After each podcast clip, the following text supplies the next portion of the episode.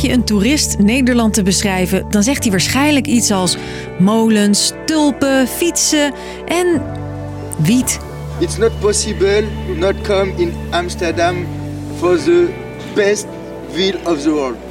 Je mag het in ons land ongestraft verkopen, bezitten en gebruiken. Maar telen, Dat is eh, verboden. Je mag dus aan de voordeur van de koffieshop wel wiet kopen, maar aan de achterdeur mogen ze het niet aanleveren. hoe zit dat met het Nederlandse wietbeleid? En hoe probeert de overheid dat te vernieuwen? Ik ben Chrisje en dat leg ik je uit. Lang verhaal kort. Een podcast van NOS op 3 en 3FM. Cannabis, wiet dus, is illegaal. Maar je mag wel ongestraft roken. Smoke weed every day. Maximaal 5 gram op zak hebben of 5 plantjes zelf telen. En coffeeshops mogen cannabis verkopen. It's not legal. All of the drugs are illegal, but we call it in Dutch gedoogbeleid. We accept it. We accept it.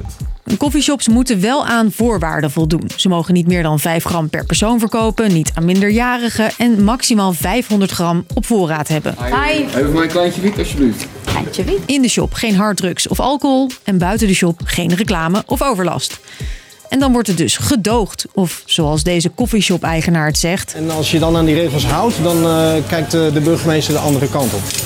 Dus het mag nog steeds niet, maar we doen net alsof het wel mag. Ja, precies, daar komt het op neer. Gevolg, geen zwarte handel op straat. En iedereen die het wil, mag het kopen. Ja, iedereen die bloot eigenlijk. In eh, mijn omgeving ook wel een beetje. Jointje opsteken met een vriend en... eh, Wordt veel gedaan.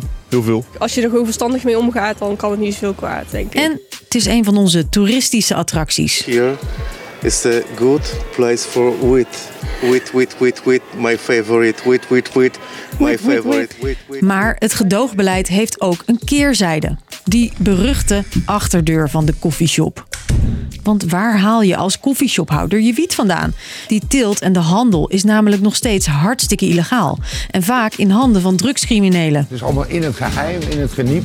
Omdat aan de ene kant de politie erop jaagt en aan de andere kant de boefjes. Want het is veel waard. Het is allemaal cash geld waarin afgerekend wordt. Dus wij lopen de hele tijd dit soort risico's. Niet ideaal. Maar aan legaliseren zitten ook nadelen. Sommige partijen vinden dat de overheid drugsgebruik zo te makkelijk maakt, terwijl het niet gezond is. Nou, voor mij is er niet een achterkant die open moet. Sterker nog, de voordeur moet verder dicht. Als je nou hoort hoe groot de impact is van gebruik, hoe dramatisch dat is, dan is het toch heel onlogisch om drempels te gaan verlagen in plaats van eh, drempels te gaan verhogen. Maar, zeggen voorstanders, Je weet nu soms niet wat je koopt. En als het gelegaliseerd zou worden, zou daar wat beter naar gekeken kunnen worden, denk ik. Cannabis is op dit moment het enige product in Nederland waarop niet staat waar het vandaan komt, wat erin zit, hoe het gecontroleerd is. En een ander voordeel is dat je de toevoer richting de coffeeshops, die druk je eigenlijk uit die criminaliteit. Dus om te kijken of dat gedogen niet anders kan, komt in 2017 een plan voor legale cannabis. De wietproef. Een experiment om te onderzoeken of de verkoop in Nederland legaal kan en wat dat dan voor effect heeft op criminaliteit en gezondheid.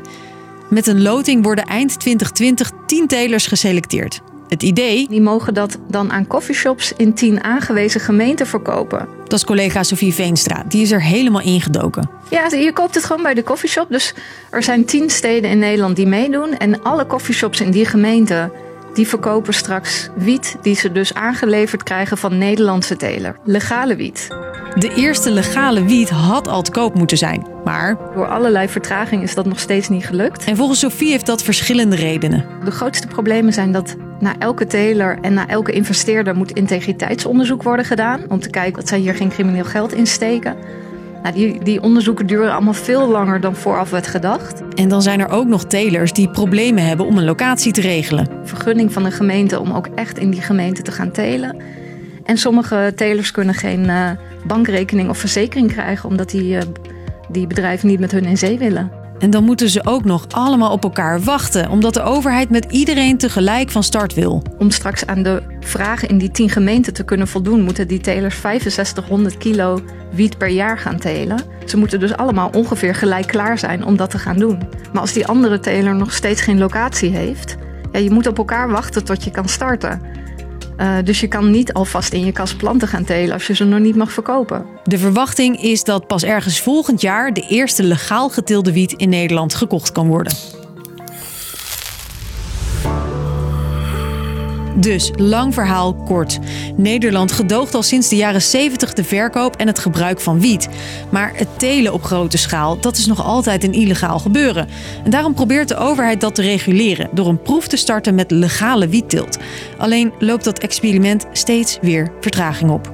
Dat was hem voor vandaag. Je joint ons morgen weer rond een uur of vijf in je podcast-app voor een nieuwe aflevering van Lang Verhaal Kort. Bedankt voor het luisteren.